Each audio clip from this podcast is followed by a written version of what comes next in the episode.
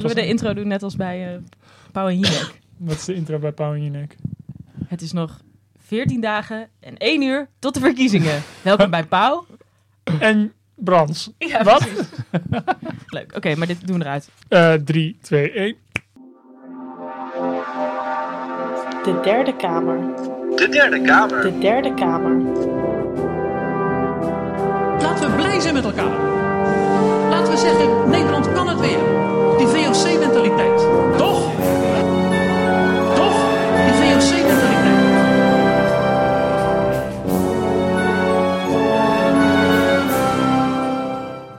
Hallo lieve luisteraars en welkom bij weer een nieuwe aflevering van de Derde Kamer. Het is nog 12 dagen en x minuten tot de verkiezingen. Yay! Welkom allemaal weer bij een nieuwe aflevering van de Derde Kamer, waarin we weer messcherp de, de Nederlandse politieke campagne en de berichtgeving daarover analyseren.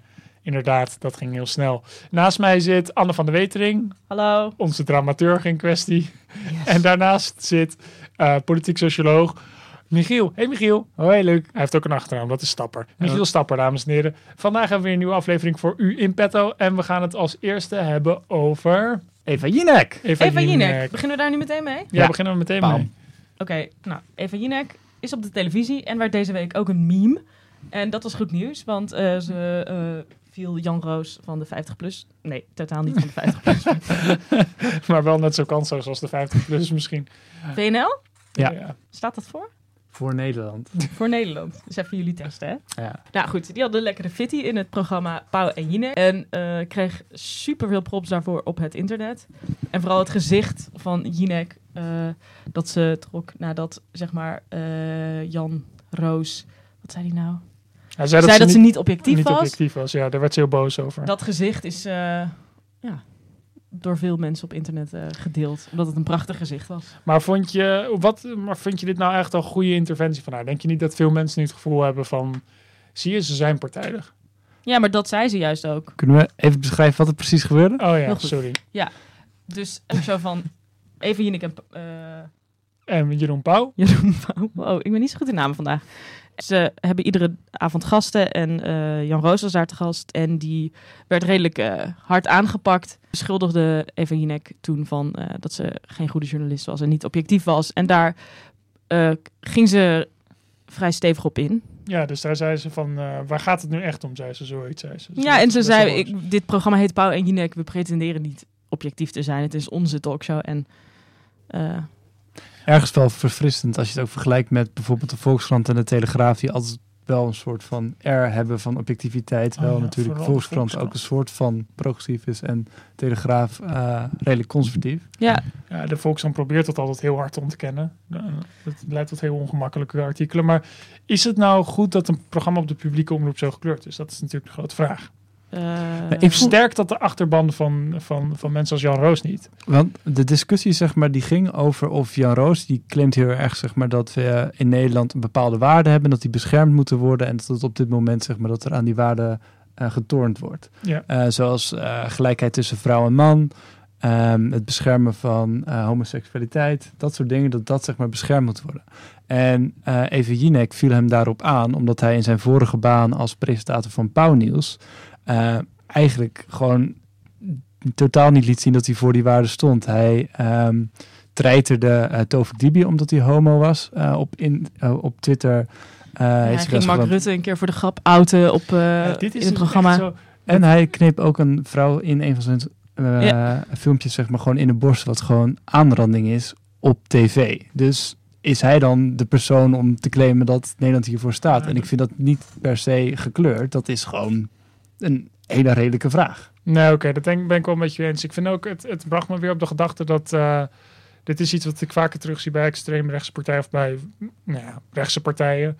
Ehm, dat eh, mensen als Jan Roos en ook Geert Wilders... die claimen nu een soort van die, die homoseksualiteit... Als een, als, een, als een echt een fundamenteel Nederlandse waarde. Terwijl twintig jaar geleden de VVD nog tegen eh, gelijkstelling... van het homohuwelijk en het heterohuwelijk Ja, stemde. zeker. Of eigenlijk tegen invoering daarvan.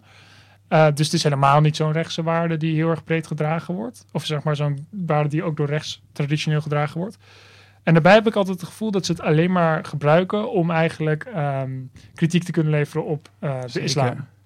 Ja, en dat het veel meer zegt in, zit in het zeggen dat het zo is dan echt handelen naar dat het ook zo is. Hoe bedoel je? Nou, zoals bij Jan Roos heel erg het punt roepen dat je heel erg voor eh, eh, acceptatie van homoseksualiteit bent, maar dan in je gedrag iets totaal anders laten zien. Ja, nou, het, het bracht me een beetje terug eigenlijk naar het moment dat ik twee weken geleden had in de Febo op vrijdagavond. Dat ik daar onbekommerd een kroketje zat te eten. Nee, niet een kroketje, ik ben vegetarisch, sorry. Ehm, een patatje, het was zeker geen kroketje.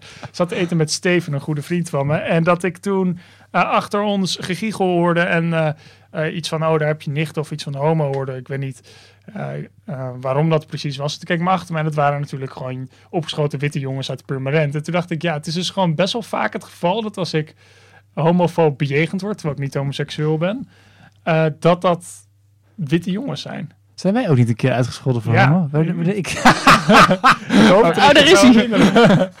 wanneer was dat ook weer? In Utrecht. Ook Oh, door ja. witte mannen uit de provincie. Shit jongens, die worden leuk. Ja, ik het, ja. ja. is dat niet om te ontkennen dat er niet een zeker probleem is met homofobie in de islam. Dat is er. Net zo, maar dat zit er even goed bij witte mensen. ja, daar ben ik het wel echt mee eens. En ik Oh, vermoed we altijd mogen dat minder, moeten minder, dat minder met elkaar eens zijn. Ik vermoed altijd dat het dezelfde personen zijn die ook op iemand als Jan Roos stemmen. Ja, ja, zeker. Maar goed, dat is alleen maar anekdotisch. Hè, dus ik kan het niet bewijzen verder. Maar ik, ja, het is gewoon diepere frustratie in mij. Ja. Als je dan weer zo'n Henk ziet zeggen... Ja, homo's, dit, dat, daar moet je voor opkomen. Dan denk ik van ja, alsof jij, zeg maar. Dus wat dat betreft was het goed wat Jinek deed.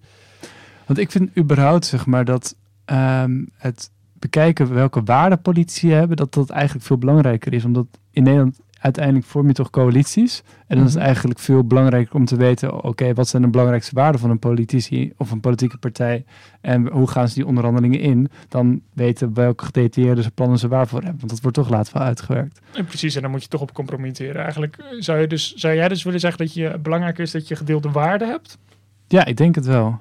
Oké, maar als we in dat opzicht kijken, dan zouden bijvoorbeeld CDA VVD lijken dan nu wel erg sterk op elkaar. Maar ze lijken ook wel veel op elkaar, toch? CDA en VVD. En ja, het is Ja. ook wel een goede manier om te verklaren waarom het kabinet VVD PvdA misschien eigenlijk wel vrij goed ging. Omdat ze Ja, wel ook bijvoorbeeld die economische waarden heel sterk Ja, delen. ja en, en die mentaliteit inderdaad van die overheidsfinanciën op orde brengen. Ja. En ook, zo, ook zelfde generatie, hè, Samson en eh, Rutte en Asscher allemaal een beetje zo in de 40. Allemaal zo'nzelfde can-do mentaliteit. Ehm, maar goed, het volgende onderwerp, Is het getal 50? 50. Waarom het getal 50, Anne? Eh, nou, we, omdat eh 50 plus eh, een eh, moeilijke week heeft gehad. Yes! dit is mijn totaal niet objectieve mening, maar ik Waarom haat was je daar- 50 plus. Waarom was je daar zo blij mee, Michiel? Omdat babyboomers irritant zijn. Oké, nee, sorry. Ehm, Even uit je iets bubbel. nuan- nuanceren. Ehm, natuurlijk vind ik het helemaal prima dat elke bevolkingsgroep in Nederland een politieke partij mag eh, oprichten. ik heb er zelf ook ervaring mee. Please do. Ehm, maar als je kijkt naar de cijfers, gemiddeld gezien zijn 50-plussers de laatste jaren eh, een van de rijkste bevolkingsgroepen in Nederland. En natuurlijk zijn er altijd, zeg maar... Ze zijn in. zoveel. Ah, ik vind het gewoon vervelend. Dus zeg maar, volgens mij is niet de grootste noodzaak nu 50-plussers. En wel bepaalde 50-plussers. Maar, Maar en anyway, Krol zegt van wel. En Krol zegt dat ze bestolen zijn.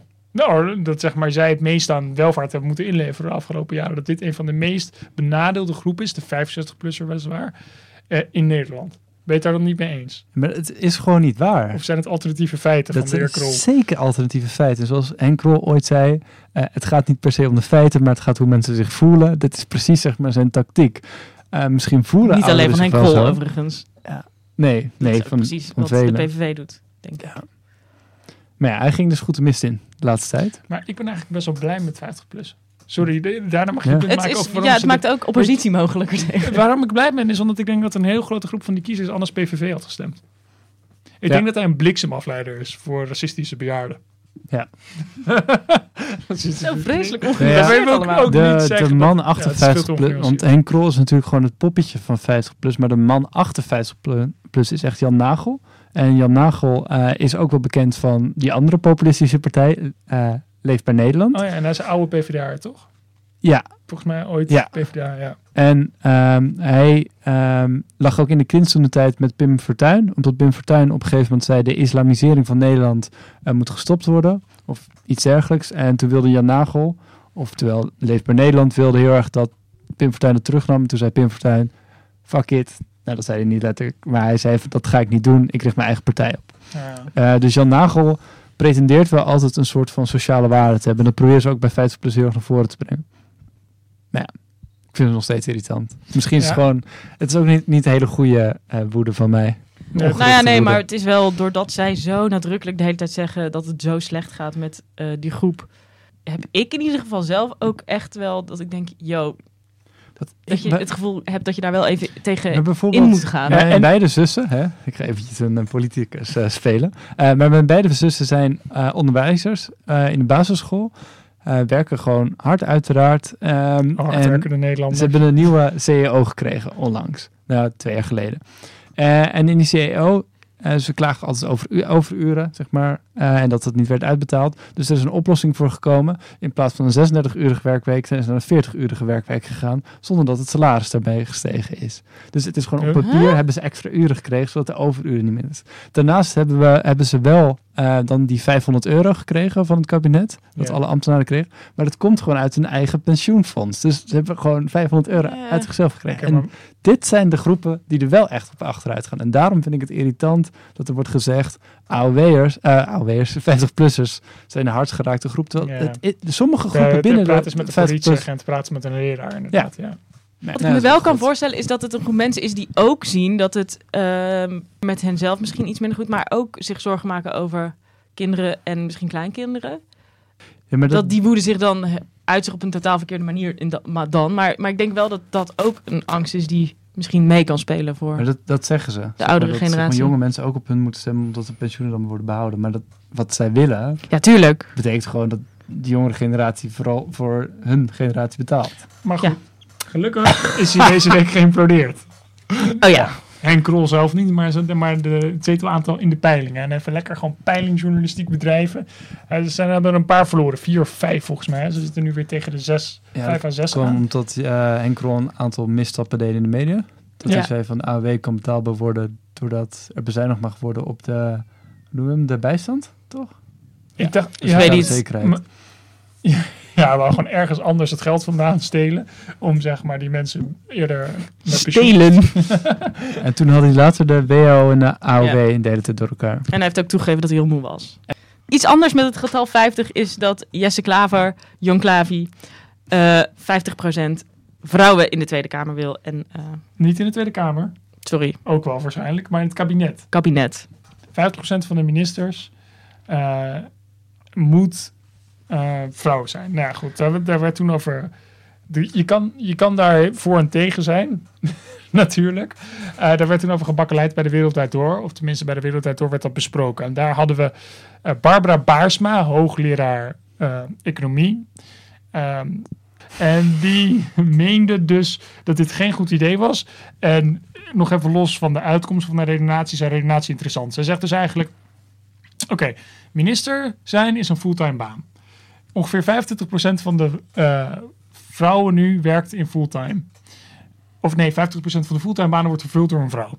Ehm, ja, en in de huidige ministersploeg is 35% vrouw, dus doen we bovengemiddeld goed. Punt. Daarmee helemaal voorbijgaand aan waarom werken vrouwen minder fulltime. En daarbij een soort van heel rare, zelf als vrouw, een antifeministisch standpunt vertolkte. Dat vond ik eigenlijk vrij interessant. En natuurlijk altijd het alhouden. Ik wil daar niet zitten omdat ik vrouw ben, maar op mijn kwaliteit geselecteerd ben. Alsof dat elkaar uitsluit. Ja, een soort argument. Echt geen zin meer om dat helemaal weer te gaan weerleggen. Het is gewoon te, te, te vermoeiend. Ja, te vermoeiend. Ik ga het even mensplainen. Ja, heel graag. Ik word hier namelijk te kwaad Ten eerste van. het punt dat eh, vrouwen altijd parttime werken en daarom misschien zeg maar, minder geschikt zijn voor de ministerpost. Dat rare argument.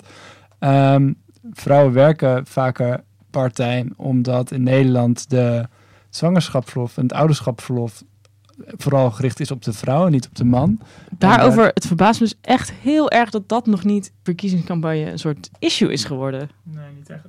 En dat, het is belangrijk waarom het een issue is, omdat in de eerste weken van de geboorte van een kind worden eigenlijk alle taken in het huishouden verdeeld. Omdat de vrouw recht heeft op eh, vrije tijd, komt het vaak op de vrouw terecht en moet er een soort van eh, systeem Ja. zit erin, zodat de vrouw zeg maar die taken meer op zich neemt, En- dus eerder parttime gaat werken. ja, precies. En daardoor werken er minder vrouwen in fulltime. Ja. Dus eigenlijk Barbara Baarsma's redenatie gaat voorbij aan het feit dat er eigenlijk seksisme of de, maar dat het dat een ondergeschikte positie ja, eh, in de vrouw in het ouderschapsverlof eigenlijk de oorzaak is van het feit dat er minder vrouwen fulltime werken. Precies. En dan denk ik over de Maar dat gaat toch niet zozeer over kwaliteit, toch? Zeg maar dat, heeft dat met het kwaliteitsargument te maken? Nee, niet echt.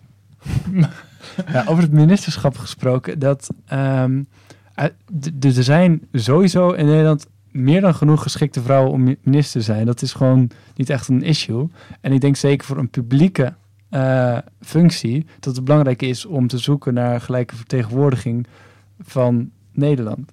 En eh Jon Klavi volgt hier natuurlijk zoals zijn hele campagne gewoon Justin Trudeau. Die eh, de wereld eh, in vuur en vlam zette door zijn kabinet te presenteren. Die op met Justin Trudeau. Hoezo? voor 50% uit vrouwen en ook uit minderheden en dat soort dingen bestond.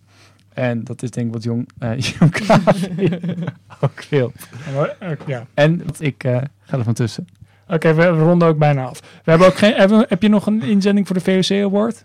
Ja, ehm, de SP is aan het jagen op PVV-stemmers. Eh, omdat ze Op vinden een dat... VOC-waardige manier. eh, omdat migra- zeg maar de banen die migranten nu innemen eigenlijk naar Nederlandse migranten moeten. En waarom is dat een VOC En- Award waard voor volgens jou? Want ik ben het niet helemaal met je eens. Paul Udemalt belt zij ehm, eigen werknemers eerst. Dat is niet ja, dat is de een Trump, VOC. dat is niet en Wilders, dat is de SP. En dat is wel echt heel erg Ja, gewoon die retoriek meer. De eigen Ja. werknemers is. Maar je kan je toch wel voorstellen dat je iets aan eh, eh, oneigenlijke arbeidsconcurrentie uit Oost-Europa wil doen? Ja, een andere discussie. Dat is een andere discussie. Ja. Oké, het gaat meer om de retoriek. Oké, Ja, ja, zijn we het daarover eens? Ja. Oké, oké. dan bij deze de VOC Award voor de retoriek. Vanwege enigszins xenofobe retoriek gaat dan naar de SP. Is Ja. dat het compromis? Oké, prima. Oké, doei. Akkoord. We hadden, we hadden het hier over, voor ergens anders over. Hmm. Ehm, oh ja, Alexander Pechtold. Nou, dat is ook niet zo belangrijk. Het was meer dat ik gisteren in mijn vrije tijd naar de bioscoop ging, onbekommerd. En ik dacht lekker Trainspotting te gaan zien. En van tevoren kwam er een filmpje met, die, met Alexander Pechtold. En- waarin hij gewoon het publiek aansprak. Dat ze In de bioscoop. Dat is echt D66 moest stemmen. Ja, in de Dat bioscoop. doodeng. Dat is A, doodeng, want hij is enorm groot en je kan er niet aan ontkomen. En, en ten tweede eh, is het ook een beetje preken voor eigen parochie als je dit in de filmhallen gaat doen. In Amsterdam. Ik bedoel, come on, eh, dit is echt D66 Central. En ten derde, laat me gewoon met rust. Ik wil geen politiek als ik naar de film ga. Nee. Ik wou gewoon lekker, lekker naar heroïne junkies in Schotland kijken in Trainspotting, maar helemaal niet naar Alexander Pechtold. Oh, Kom ja, nou ik toch. vind D66 ook echt, echt verschrikkelijk op Instagram. Waarom? Wat doen ze op Instagram dan? Ja, ze komen gewoon de hele tijd in mijn reclame. Komen ze, komt Alexander Pech- Pechtold zeggen dat we aardig moeten zijn voor elkaar. Ja, oké, dankjewel Alexander voor je toevoeging. Dan volg ik toch liever Admin Press die, eh, Admin Press. en Ascher als minister van Sociale Zaken. En het Boendeskanslerin is ook heel chill. Oh, die heb ik nog niet. Nee, die is echt Zo veel zin in. Ik heb wel de hele familie Trump. hele familie Trump. Dat is een beetje angstaanjagend. Oké, volgens, ehm, volgens mij kunnen we bijna afronden. Oh ja, dat Of moest zou ik nog vragen. Ja, Luc, wat is dat? Wat betekent dat eigenlijk? Het woord surplus. Surplus is een term uit de wielrennerij. eh, die, waarbij je als wielrenner ehm, eigenlijk min of meer stil gaat staan op twee wielen en heen en weer gaat wiebelen. Komt uit het baanwielrennen, zodat je niet, zodat de ander. Ik weet niet precies wat de tactiek daarachter is. Dat mag misschien een luisteraar uitleggen. Hallo luisteraars, kunnen jullie dat uitleggen alsjeblieft? Maar in ieder geval betekent dat je stilstaat op je fiets en dat niemand echt uit het peloton uitbreekt of los van elkaar komt. En iemand op de NOS-redactie is op een gegeven moment gekomen op dit woord om de huidige, de huidige stand in de peilingen te beschrijven. Die namelijk best stilstaan in de zin dat er niet heel veel schommelingen zijn. En dat er niet één partij zich echt losbreekt. Eh, in plaats van worden de verschillen steeds kleiner. En daarom heeft de NOS het permanent over de surplus. Dus bij deze zoek het op. Dit is zo raar, want ik, erger me altijd aan het belachelijke kinderlijke taalgebruik bij de NOS. En dan gaan ze wel zo'n woord de hele tijd gebruiken. Ja, misschien was het Mart Smeets die op de redactie kwam en dit even verordeneerde. Op zich vind ik de vermenging van politiek en sport een heel goed idee. Ja, vind ik ook wel. Want ook nog in, bij Jinek gisteren, Oké, de onze Jinek-watcher. Anne. intelligentste opmerking werd gemaakt door Door Clarence Seedorf. Zeedorf. Ik wist even niet En wat meer was zijn intelligentste opmerking? Nou, ging over samenwerken. Over dat, dat de politiek volgens hem heel erg uitstraalt dat iedereen met zichzelf bezig is. En niet met elkaar of de mensen in het land. En eh, dat samenwerken, dat het goed zou zijn als eh, de politiek zou laten zien dat er ook samengewerkt kan worden, ondanks hele grote inhoudelijke verschillen. En vind ik een goed punt. Ja, interessant. Ehm, ik vond het wel jammer dat, dat eh, als je dat dan meteen weer wou coopteren en het er meteen mee eens was. Terwijl Wel een goede illustratie van dat eh, punt ook weer. Ja, terwijl als je niks gevraagd werd. Maar dat terzijde. Eh dames en heren, dit was weer, de, dit was weer onze aflevering voor deze keer. Hierna komt meteen, als u blijft luisteren, hoort u de aflevering die we vorige week hebben gemaakt, maar geen tijd hadden om online te gooien. Dus als u wilt luisteren naar het nieuws van vorige week, dan kan dat hierna. Ehm, u hoorde net Michiel Stapper die eerder wegging. Naast mij zat Anne. Dankjewel Anne.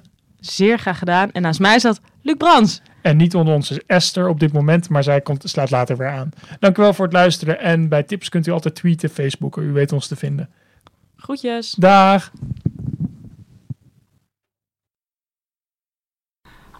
Hallo allemaal lieve luisteraars en welkom bij aflevering 5 van De Derde Kamer. Vandaag missen we, missen we Michiel, maar we zijn wel met Esther en Luc en ikzelf. Hallo. Hoi.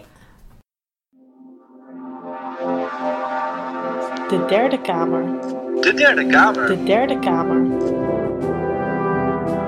Laten we blij zijn met elkaar. Laten we zeggen, Nederland kan het weer.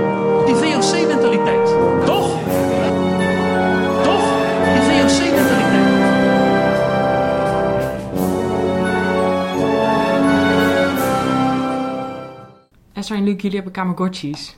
Oh ja. Wie hebben jullie? Nou, ik heb Asher. Ik ben benieuwd wat hij, eh, hoe die nu verandert, nu na dit debat. Van dat we net geluisterd hebben. Maar hij is vooral hongerig en wil een snackje. Ik ook, want het is vrijdagmiddag. Ik had eerst Mark Rutte, maar die heb ik laten sterven. En toen kreeg ik Jesse Klaver. Ehm, dus die ben ik nu de hele tijd heel veel liefde aan het geven. Maar hij is zo vol qua liefde dat hij zegt... Lief, maar niet nodig. Nou, hij kan wel wat liefde gebruiken misschien. Je knuffelt hem dood. Ik knuffel hem een beetje hem dood. dood. Heel typisch. Ehm, Waar gaan we het vandaag over hebben, Anne? We gaan het hebben over het Phoenix-debat en de mensen die daar niet bij aanwezig willen zijn. We gaan het hebben over het manifest eh, van de politieke jongerenorganisaties, eh Youngsters dus. En we gaan het even hebben over de Stem van Nederland. En we gaan de VOC-award weer weggeven. Mm, hm? Nee, laat maar. Ja. Dat is het zo'n beetje. Ja, misschien meer, misschien minder. Hangt een beetje vanaf. En heel even kort over het debat dat we net gezien hebben. Oh ja. Ja, Ja, Esther, ja, ja, geluisterd. net- Ik heb alleen net de laatste half uur geluisterd. Daarnet was het, eh, het eh, eh, NOS radiodebat. Eigenlijk volgens mij het eerste debat op de publieke omroep in ieder geval. Of met alle lijsttrekkers, behalve Wilders natuurlijk. Ehm, en behalve de kleine partijen. En ik vond het eigenlijk deels best wel saai. Een beetje à la 2012 dat Roemer en eh, Rutte weer deed ruzie gingen maken over wie nou echt een eerlijk verhaal aan het houden was. Over hoeveel werk erbij kwam. Ehm, en ik vond Ascher best wel gemeen. Echt een beetje van die valse trucjes tegen Krol en tegen Klaver. Ja, als je geen klaver ging, niet echt heel erg lekker. Nee, ik weet niet. Nee, ik vond het echt eigenlijk een beetje een gênante vertoning van allebei de linkse partijen misschien. Ja. Ik vond het gewoon, het hele de, de debatopzet vond ik ook niet zo fijn met z'n drieën dan van die stellingen of zo. Die ze Ja, zelf, aandragen. En waarom doet de journalistiek dat niet? Het is een beetje zoals, ik, ik laat mijn studenten ook altijd stellingen verzinnen als ik geen zin heb om de les voor te bereiden. Misschien had de NOS ook geen zin om de les voor te bereiden. Eh, ja, andere vraag misschien, maar ik Nou ja, en ik vond een paar keer ook wel dat die journalisten een beetje in hadden kunnen grijpen. vond wel de laatste vraag goed met wie ze wilden samenwerken, waar eh, Ja, deels antwoord op werd gegeven, maar ook Ja, door heel veel partijen CDA die niet. dan geen antwoord wil geven. En de eigenlijk alle christelijke partijen doken. Beetje raar. Ja de middenpartijen doken gewoon, Ja, toch? Ja. en, waarom, denk je? willen alle, alles open houden. Het CDA wil gewoon regeren, maakt niet uit met wie. D66 wil regeren, maakt niet uit met wie. En ehm, eigenlijk is Klaver de enige die echt al van tevoren heeft gezegd... ik wil per se zonder de VVD en een prog- progressieve coalitie. Maar verder is er sowieso niet zo heel veel duidelijk, toch? Over wie met wie. Nou ja, Nee. Klaver probeerde het net in het debat met ja. Ascher iets Maar- over te zeggen, maar dat mislukte. Maar als je, Van die zegt, je zegt dan dat ze op de inhoud willen samenwerken, maar ik zie niet echt wat het verschil... Ik snap dat verschil niet zo goed tussen de inhoud en... En strategisch, nou, Nee, dat maar het wat, juist wel duidelijk wordt. maar wat bedoelen ze nou? Ik bedoel, ik snap niet zo goed als je hiermee Tuurlijk wil wil je op de inhoud samenwerken. Ja, anders, niet werkt toch niet, anders, je kan je toch, vindt. anders kan je toch niet samenwerken? Nee, precies. Dus ik vind het ook heel slap. Van ja, nee, ja, Jesse, we willen wel samenwerken, maar dan wel alleen op de inhoud. Dus ja, alsof Klaver dacht, we gaan samenwerken, maar dan Het zonder inhoud of zo. Het regeerakkoord ontwerpen samen, de graphic design of zo. Ja, Ja, dat is toch samen. inhoudelijk. Dus ik vind het nogal een slappe manier om de vraag te duiken. Ja. Maar goed, uiteindelijk werd dus heel erg point-on ges- gevraagd, ook aan Ascher, met wie wil je samenwerken? Toen zei Ascher GroenLinks. Toen zei eh, Klaver de SP. Dus dat was wel weer grappig op het eind. Ja. Ehm, een debat dat er niet is geweest vooralsnog. Ja. Is het Fun X-debat. Ja, ehm, ik zag het via Twitter dat ehm um, Charit Uppelschoten, dat is een journalist van Funix. En is een... Funix ja, ja. is een radiozender voor jongeren, die ook via Facebook en zo heel veel eh, volgers hebben en heel veel, eh, nou, echt populair is onder jongeren. En ook veel Echt onder... een leuke zender. Ja, het is gewoon echt heel leuk. En niet onder eh, eh, studenten of zo, die, nou ja, gewoon echt onder jongeren die normaal gesproken niet zoveel naar politiek kijken of luisteren. Of... Oftewel, een supergoeie plek om als politicus jongeren te bereiken.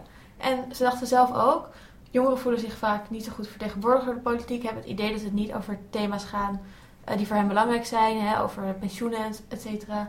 Over, nou ja. Dus bij Phoenix dachten ze deze zomer, laten we een, eh, inzetten op een debat tussen lijsttrekkers over thema's die belangrijk zijn voor jongeren. Over het leenstelsel, over eh, eh, discriminatie op de arbeidsmarkt, Mhm. over werkloosheid. Ja. Ehm, toen hebben ze alle partijen uitgenodigd en toen kregen ze meteen van iedereen reacties. We willen alleen komen als alle anderen ook komen. En ehm, dat is natuurlijk super irritant als iedereen dat doet, want hoe doorbreek je dat? Eh, dus het was meteen al nogal frustrerend. Ja. Ehm, maar die hele Facebook-post van die journalist ging er eigenlijk over dat nou, uiteindelijk hadden toch, ik geloof Kuzu en Klaver hadden wel gezegd, nou, we komen sowieso wel. Eh, toen zei iemand anders af en toen eh, zei iemand anders weer toe, maar alleen als Ascher zei geloof ik eerst af, maar toen zei hij, oh ik doe toch wel mee als Pechtold meedoet, maar mee, Pechtold had net afgezegd. Nou echt al van dat soort gedoe. Echt kinderachtig. Super kinderachtig. Het doet me een beetje denken aan als je een verjaardag hebt van een vriend in een vriendengroep, maar niemand wil eigenlijk daar alleen zijn met die vriend. Dus iedereen gaat dan zo, nee, als jij kan, nee, oké, nee, hè, hè. Dus Dan is op zich het- afspreken voor de deur. Ja, precies, maar het is ook Hoe heel, laat ga jij? ja, maar het is ook heel treurig. Het is toch super treurig. Ja, vooral als het over politiek gaat. Ja, precies. Ja, dat het toch voor iedereen moet zijn. En bij Phoenix hadden ze ook zoiets van, nou, doen we eigenlijk zoiets? Eh, eh, er wordt nu best wel veel gepraat over dat de jongerenstem belangrijk is. Dat we ervoor moeten zorgen dat al die 18-jarigen die nu mogen stemmen, die zijn bij elkaar 13 zetels waard. Dat we die naar de stemmers moeten trekken. 13 En zetels, eh, wij hebben een super grote doelgroep. Maar eh, de lijsttrekkers zijn allemaal te kinderachtig om mee te doen. En de laatste update is dat ze uiteindelijk... hebben er nu drie lijsttrekkers toegezegd. Eh, is er één partij die een andere kandidaat stuurt... en eentje die nog geen naam heeft doorgegeven. Maar ehm, de lijsttrekkers willen eigenlijk niet in debat met niet-lijsttrekkers. Dus het zou best kunnen dat ze nog steeds zich allemaal terugtrekken... omdat er nu één partij is die niet de lijsttrekker stuurt, maar iemand anders. Echt vrij Ja, ik vind het echt tragisch. super vermoeiend. Ik vraag me ook af... Het is gewoon een heel slecht signaal wat je ermee uitzendt. Ja. Namelijk, gewoon, jullie zijn niet zo heel belangrijk, jongeren. En En waarom, ik, ik vraag me ook af als politicus, waarom, waarom maak je dit besluit? Eh, waarom, ehm, je kan toch gewoon zeggen, ja, ik ben erbij en ik zie wel, het is toch ook chill als je tegenover twee mensen zit in plaats van acht? Ja, elke airtime is toch meegenomen. ja, Ik je mag op een jongeren zender, als er maar drie mensen zitten in plaats van acht Maar zouden ze bang zijn dat ze dat te kritisch bevraagd worden? Omdat ze inderdaad weinig eh, doen op punten die voor jongeren belangrijk zijn? Mm, Dat zou kunnen. Ja, het is gewoon goed, en dan bereid je dat Maar- wel beter voor. Dat is, ik snap het Nee, ja, niet. dat ik bedoel... En als je in je eentje mag praten, dan kan je zeggen, of met z'n tweeën, dan kan je zeggen, nou ja, eh stel als Jesse Klaver kan er zitten en die kan zeggen, nou, eh, de PvdA en de VVD hebben de afgelopen jaren in ieder geval dit, dat en dat niet gedaan. Dat is toch chill? Dan word je zelf niet per se aangevallen, kan je het alleen maar hebben over wat de anderen niet doen. En zijn, zou het mogelijk zijn dat de punten die voor ouderen belangrijk zijn... en de punten die voor jongeren onbelangrijk zijn... onverenigbaar zijn Mm, voor sommige partijen? Het niet, maar het, het zou kunnen en dat ze dan ouderen voor kiezen boven jongeren. Maar dan is het een heel duidelijk signaal. Omdat ouderen alsnog met veel meer zijn. Ook al Ja. zijn er veel jongeren die... eh, Nou, dan weet ik dat ook weer. Daar vind ik het een beetje, vind ik het een beetje op lijken. Ja. Dat politici dus zeggen, nou ja, eh, de eh, jongeren kijken eigenlijk helemaal geen tv meer. Dus door die tv-debatten bereiken we geen jongeren. Maar elke andere kans om dan wel jongeren te bereiken, die grijpen we niet aan. nee, Want ze accepteren boeien. eigenlijk volledig dat ze jongeren niet meer aanspreken. Ja. Maar ja.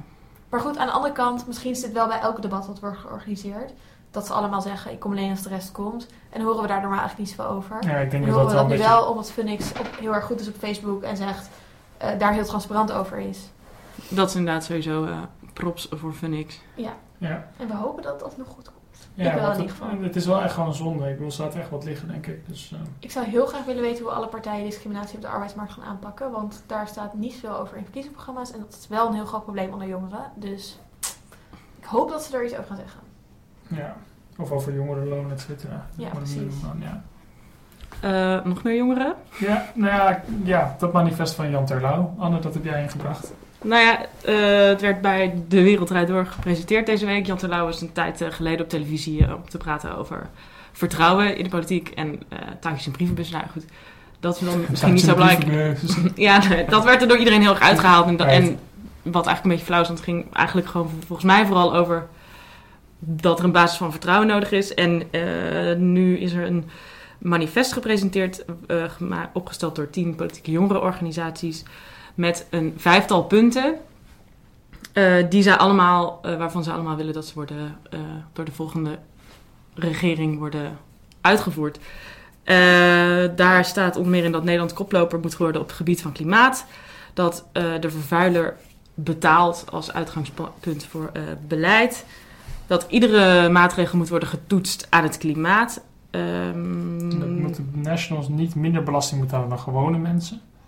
Ja, en dan kleine bedrijven ook, zeg maar, dat, het, dat de kleine bedrijven net zoveel belasting betalen als multinationals.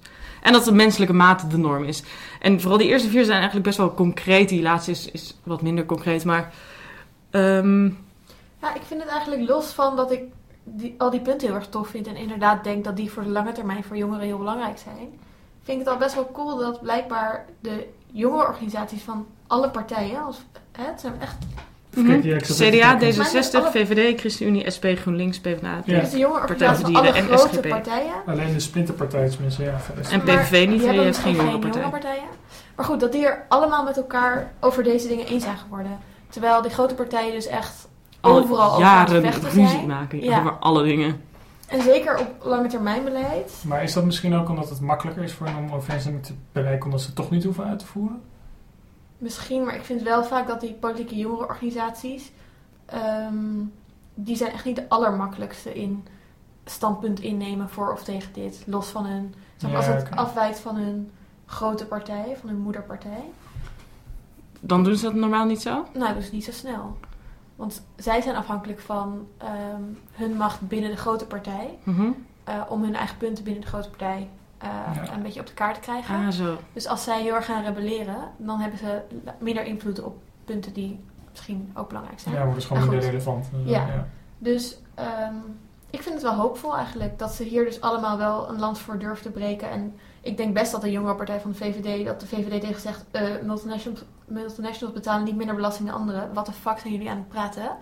Ehm, en dat ze dus wel bereid zijn om daarvoor te vechten. Ja, want welke dingen zijn echt in strijd met eh, het beleid van de... Nou ja, ik vind dat de PvdA is nu de hele tijd aan het haten op, eh, de, op GroenLinks. Dat eh, zij veel te ver gaan in klimaatbeleid. Ja, Dit is heel ver in klimaatbeleid. VVD is ook helemaal niet eh, bezig met klimaat. Ehm, Ja. belasting dus. Dat is ook niet echt een VVD-punt. nee, dus ze zijn... de Volkskrant linkse punten Ja. zijn. Het zijn, ja, nou ja, ik denk Ja. dat het vooral progressief punten Het zijn, zijn. ja, precies. En dat is niet zo gek, want... Of nou, misschien, dat, dat overdrijf ik een beetje. Maar goed, het zijn wel allemaal heel erg lange termijn. We willen de wereld ook over 50 jaar nog leefbaar houden. En Ja, ja, wij leven er ook. En wij leven dan Ja. inderdaad. Inderdaad. Dus ehm, daarom vind ik ook dat het heel serieus genomen moet worden. Denk je dat het serieus genomen gaat worden? Mm, ik vraag het me af. Hoe Nee, zouden daarvoor ik- kunnen ik zorgen? het- ik denk het niet. Het Echt, zou ik mooi zijn. Programma's zijn al geschreven. Het is een leuk manifest. Het is een leuk promotiedingetje misschien voor de jongere partij of zoiets. Of, Nou ja, het is natuurlijk wel. ehm eh, Jan Terlouw ging ermee. eh, ging het eigenlijk presenteren, toch bij de Wereldrijd Door. Ehm, en Jan Terlouw kreeg heel veel bijval ehm, een paar maanden geleden bij de Wereldrijd Door. Dus ik denk wel dat veel mensen er iets nu over gezien hebben. En misschien ook denken: oh, dat is eigenlijk wel een goed idee. Ja, misschien Dus als er het veel draagvlak voor kan komen. Dan ehm, zou het best de basis kunnen zijn voor een groot middenkabinet of zo. Maar ja, ik weet het niet. En misschien kunnen ze er nog vier jaar over doorpraten en dan hopelijk over vier jaar wat mee. Nou ja, en, en de- misschien kan de wereldwijd door eh, blijven dit, eh, dit blijven Ja. agenderen en, en dit terug blijven brengen in de formatie Ik hoop het, bijvoorbeeld. Ja, en Jan Terlouw die daar Ja. een beetje op door gaat eh, prikken. Maar het is ook afhankelijk van al die jongere partijen hoe hard zij hier, hoe hard ze zich er echt voor gaan maken binnen weer de grote partijen, zeg maar. Ja, en ook dit kan vrij snel uit elkaar zakken. En los als er een paar afhaken uiteindelijk, dan, Ja. dan verzandt het weer. Dan is het een typisch links of een typisch... Ja, kijk, als je à la dingetje. G500 nu naar alle verkiezings... of naar alle congressen gaat binnenkort... Ja, het is nu al eigenlijk al een beetje laat, maar goed. Maar het gaat er En toch alleen dit- om dat in die, in die kabinetsformatie, dat het daarin de hele tijd eh, Ja, moet worden maar ja, benadrukt. zitten die partijen niet aan tafel. Ja. Dus ze moeten tijdens formatie heel hard gaan roepen. Van, Ja. hé, hey, hallo, Ja. weet je nog dat wij dit hebben gemaakt? Hallo, hallo. Ja, en dat vergt dus wel dat je ook die, die aandacht vasthoudt. Dus niet alleen Ja. op 15 Precies. maart, maar dat is sowieso denk ik iets overkoepelends. We zitten heel erg te focussen altijd op 15 maart, maar Ja. wat daarna gebeurt is echt veel belangrijker. Ja, nee, zeker waar. Nou ja, het is natuurlijk ook heel belangrijk dat op 15 maart heel veel mensen gaan stemmen. Maar wat daarna gebeurt met Ja, alles wat we nu ja, bespreken, dat is heel belangrijk. Ja, het is niet dat het dan in één keer klaar is en je dan pas over vier jaar weer eh, je ermee moet Ja. bemoeien. Nee. En ik vind het ook wel heel goed dat de jonge organisaties dus... ehm, nou, we hadden het er net over dat het niet echt over jongere thema's gaat nu in de verkiezingen. En dat politici daar niet heel snel over praten. En dat nu de jonge organisaties van die politieke partijen in ieder geval zeggen...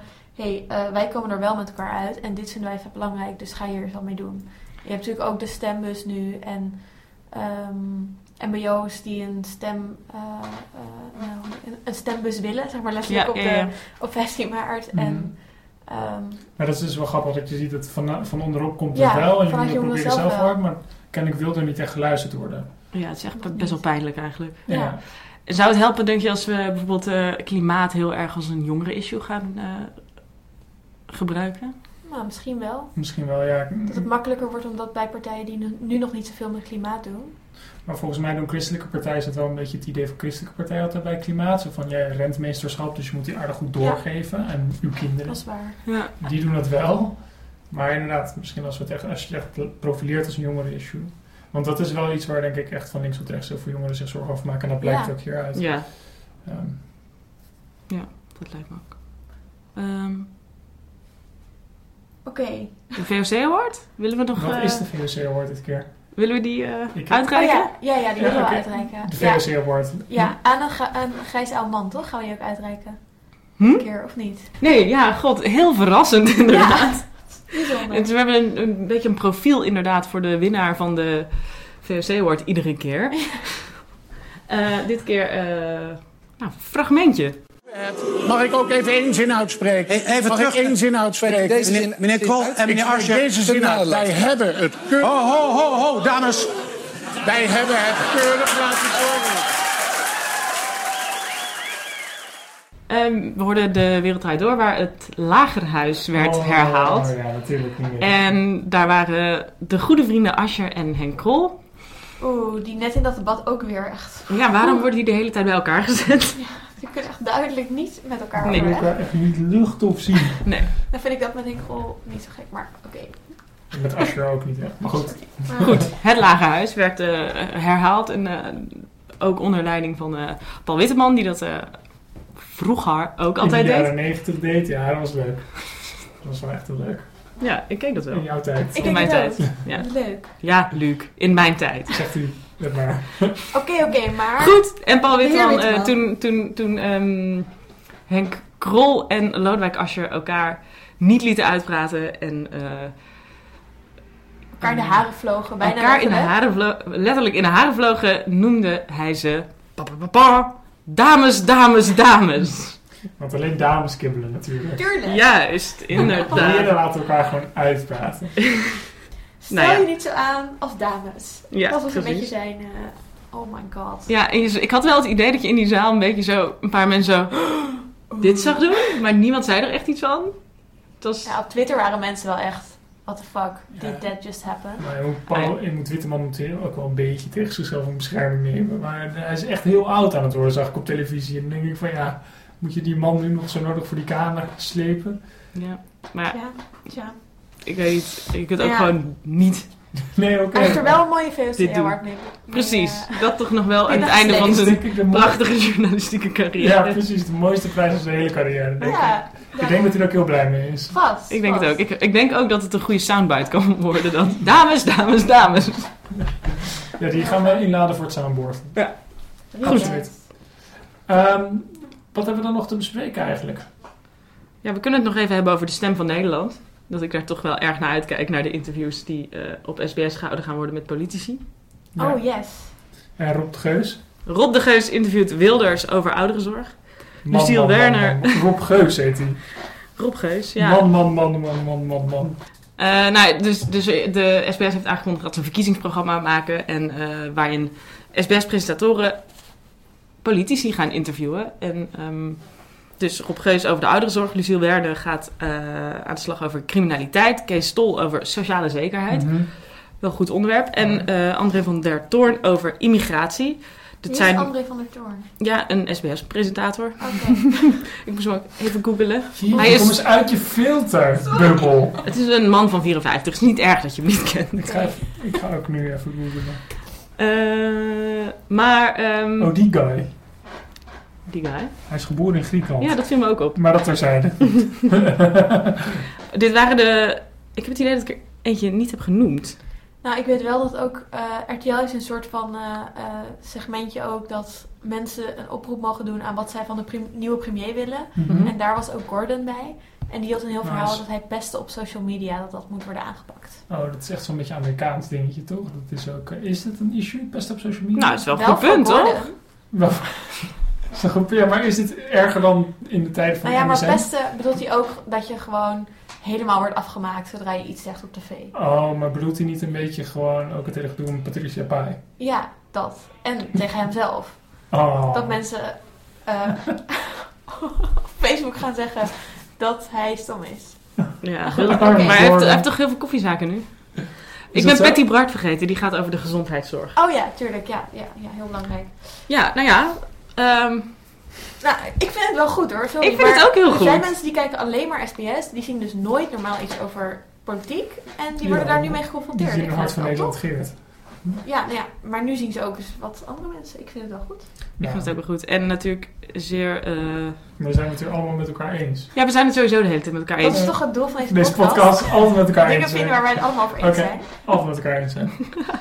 Ehm, wat ik wil nog even wil zeggen, dat het me opviel dat... eh, ik luisterde Radio 1 en daar werd Rob Geus geïnterviewd over dat hij Geert Wilders had geïnterviewd. Mooi meta-momentje. Ach, En eh, ja, en de, de serieuze journalisten vonden het toch wel eh, zorgwekkend dat eh, Wilders niet door echte journalisten wordt geïnterviewd, maar alleen door Rob de Geus.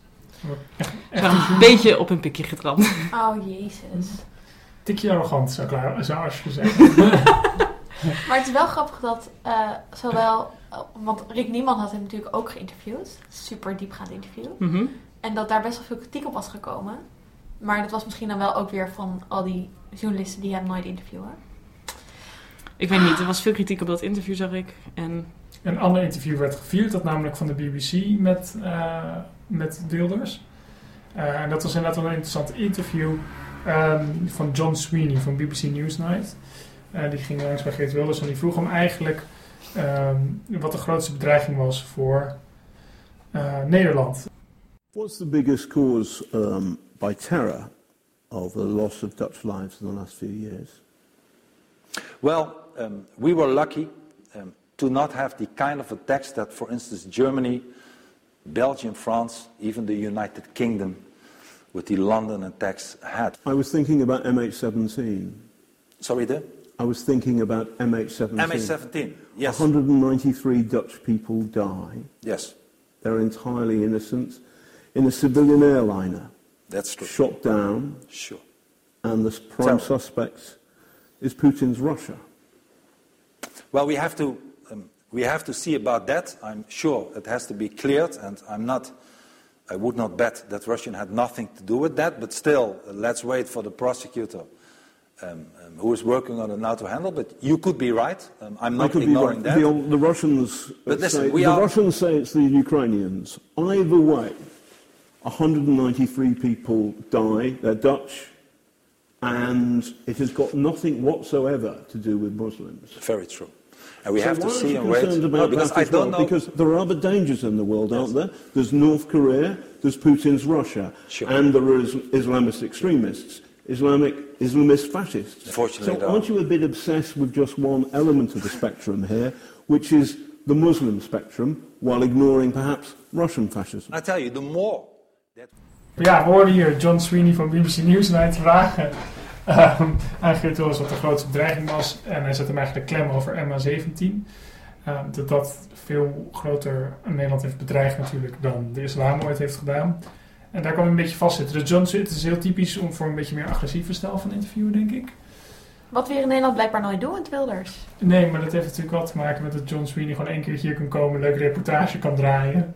Ja, maar ja, En bij de andere media komt hij ook niet meer. Dus waarom, zeg maar, dat, die hele Maar hij- strategie van we doen lief voor hem, want anders komt hij niet meer terug, heeft niet echt gewerkt. Ja, dat is wel waar. Nou ja, wel voor. Riek Nieman, want die dacht, hé, hey, ik mag hem nu eindelijk interviewen. Laat ik dan maar niet te kritisch zijn, laat ik maar over alles duizend keer onderhandelen wat ik wel niet mag vragen. En anders komt hij nooit meer terug. Nou ja, ik denk dat... Riek Nieman had hem ook zo onder druk kan- kunnen zetten en dat heeft hij niet gedaan. Nee, maar... Maar goed, Riek Nieman is misschien ook wel helemaal geen journalist. Of wel? Maar, Volgens de, volgens de, Oh, volgens de echte journalisten. Volgens de echte journalisten. Het Nee, echte nee, journalistenforum, nee, nee, nee, nee. dat eigenlijk de stiekem de Illuminati zijn. Ja, precies. Ah, nou, Oké, fijn dat we kunnen afsluiten met de. Illuminati. fijn. Ja, complottheorieën. Dat is ook iets van onze generatie, hè? Is dat zo? Ja, dacht ik wel. Of misschien is het gewoon iets van mij. De farmaceutische industrie zit toch overal achter? Precies. is toch gewoon Voldemort? Maar Rick Nieman is Eigenlijk toch de is het farmaceutische industrie?